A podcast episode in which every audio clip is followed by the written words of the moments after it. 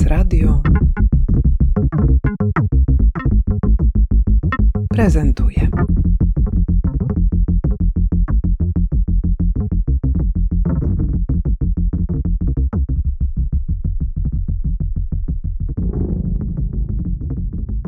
Agnieszka Kowalska, autorka przewodnika Zielona Warszawa. Co mówią ludzie, którym pokazujesz te swoje ulubione kawałki Warszawy? Jakie są reakcje? Wiesz co, no trochę muszę ich przymuszać, żeby wysiedli z samochodu na przykład.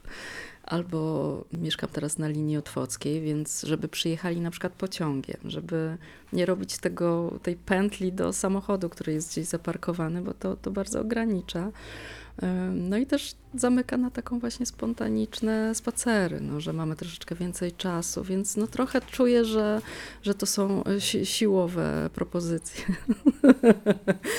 bo, bo trzeba rzeczywiście y, powiedzieć, słuchaj, no ze mną idziesz na spacer na no, minimum dwie godziny, no musisz troszeczkę odłożyć telefon, i po prostu się spotkajmy. No, wy, wykorzystuję to na, na po prostu, wiesz, na nadrobienie zaległości towarzyskich też.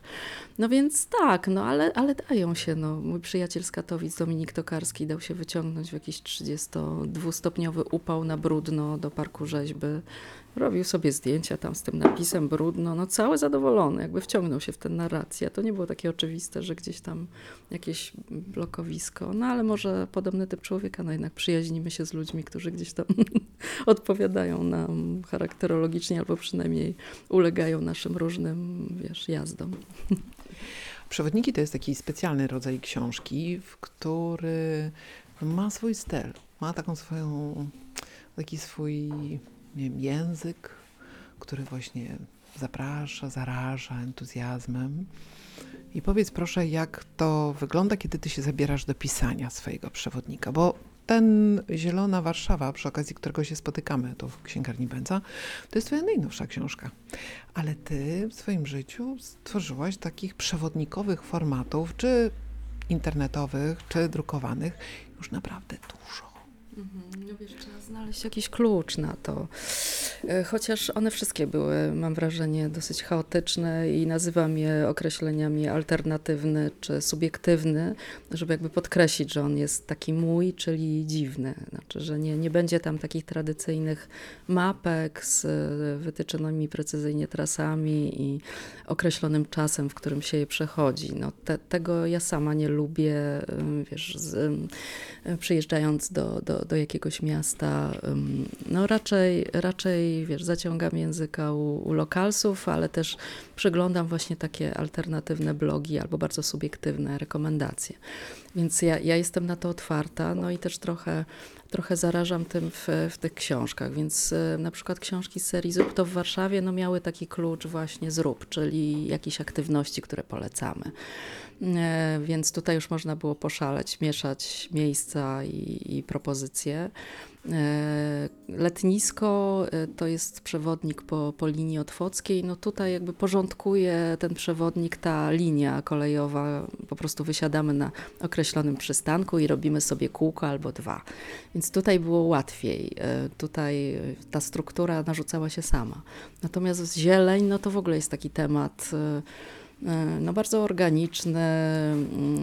Jak myślimy zieleń w Warszawie, no to, to po prostu nasza e, głowa pracuje i podpowiada nam mnóstwo tematów, nie tylko ścieżek i miejsc, które po prostu lubimy, ale też wątków. No i tak tutaj było, że ja troszeczkę ciężko mi było zapanować nad tym chaosem, bo i artyści, projekty artystyczne przychodziły mi na myśl i i architektoniczne, ale takie niekoniecznie wszystkie zrealizowane, więc chciałam jakby zebrać wszystkie te nasze doświadczenia w, e, e, i, i, projekty warszawskie, które w zieleni albo w temacie zieleni się, się wydarzyły, więc jakby ten, to, to, to moją pracę, wiesz, 15-letnią w Gazecie Wyborczej i śledzenie tych wszystkich projektów bardzo mi się przydało, bo gdzieś to wszystko miałam w głowie i tylko czekałam, żeby to E, to przelać na, na papier. No więc wiesz, no doświadczenie dział, działkowiczki, partyzantka ogrodnicza, którą uwielbiam, to właśnie, że wiesz, tymi projektantami zieleni są nie tylko ci architekci, których znamy z nazwiska,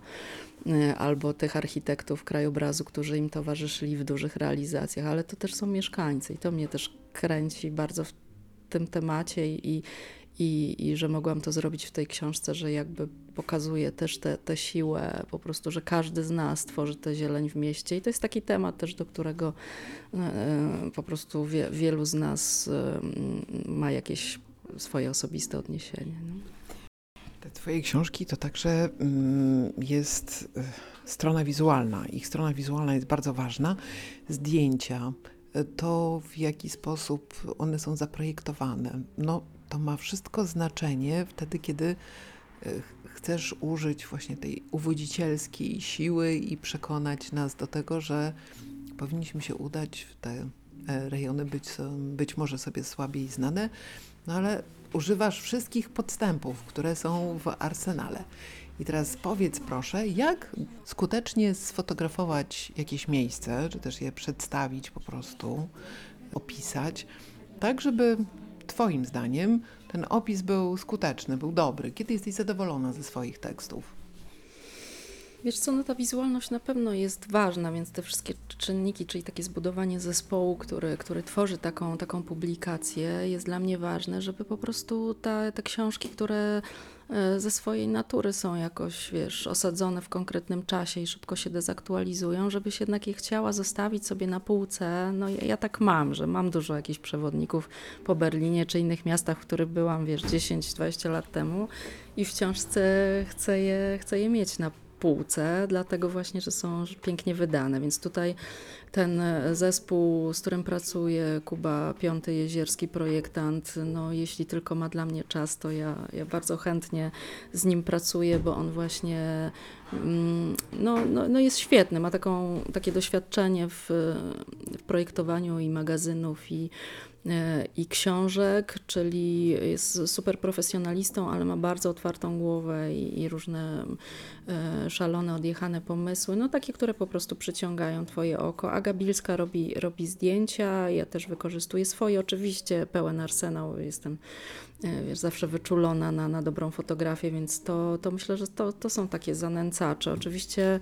e, za dużo tego tekstu być, być nie może. No tutaj też chciałam, żeby był też anglojęzyczny, żebyśmy się pochwalili tą Warszawą taką, wiesz, z jakiej jesteśmy dumni, bo wydaje mi się, że, że, że to może być taka, taka eksportowa Warszawa, więc e, E, teksty nie za długie, no ale zawsze staram się bardzo osobiście zwracać, widzieć gdzieś tam tego dru drugiego człowieka, który z tą książką będzie przemierzał Warszawę i po prostu spróbować go tak jakbym ja, nie wiem, wyjść tutaj na ulicę i zaprosić kogoś na spacer, to, no to tak o tym myślę, o tych krótkich formach. Siedzimy koło półki warszawianistycznej. Tutaj y, koło nas są książki, które opowiadają o Warszawie, są też mapy, są jakieś publikacje, które w wysokich nakładach, albo wręcz przeciwnie, w mikroskopijnych nakładach jakoś do historii naszego miasta się odnoszą. Jest wyraźna przerwa na tej półce i ona dotyczy tego czasu, kiedy była pandemia, kiedy tak naprawdę przewodniki nagle straciły swoją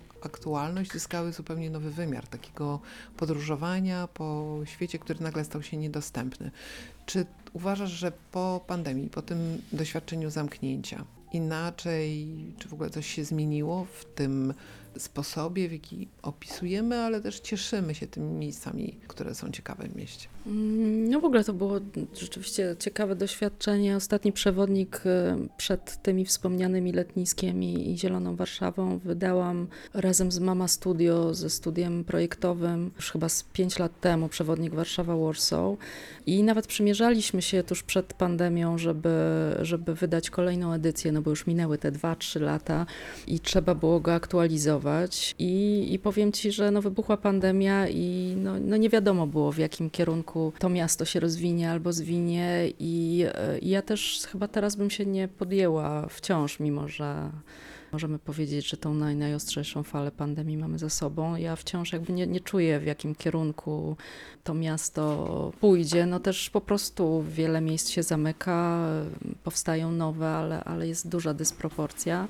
Wciąż jest dużo pustostanów, miasto się niby remontuje, przebudowuje, ale, ale jakby tego tej, tej esencji, no czuję, że po prostu jakaś energia w tym mieście siadła, mówiąc kolokwialnie, więc e, ja go do końca teraz nie czuję, więc myślę, że te przewodniki, które zrobiłam no właśnie w pandemii, to były takie trochę ucieczkowe. No myślę, że każdy z nas tak e, miał taką potrzebę i te przewodniki jakoś wychodziły temu naprzeciw, żeby, żeby wejść w zieleń albo wyjechać tu, tuż pod miasto, no tam, gdzie po prostu mogliśmy się ruszyć. No i generalnie była taka potrzeba, żeby, żeby korzystać z tej zieleni, więc no to jest moim zdaniem jakaś propozycja na, na ten czas, żeby, żeby te alternatywne ścieżki eksplorować. No i myślę, że to jest też taki temat, którym powinniśmy się zająć, bo myślę, że troszeczkę s- straciliśmy czujność. Ja nawet tworząc tę książkę miałam takie poczucie, wiesz, no kończyłam ją w maju, kiedy miasto było pełne, wiesz, no roz, rozkwitało i rzeczywiście ta zieleń była uderzająca.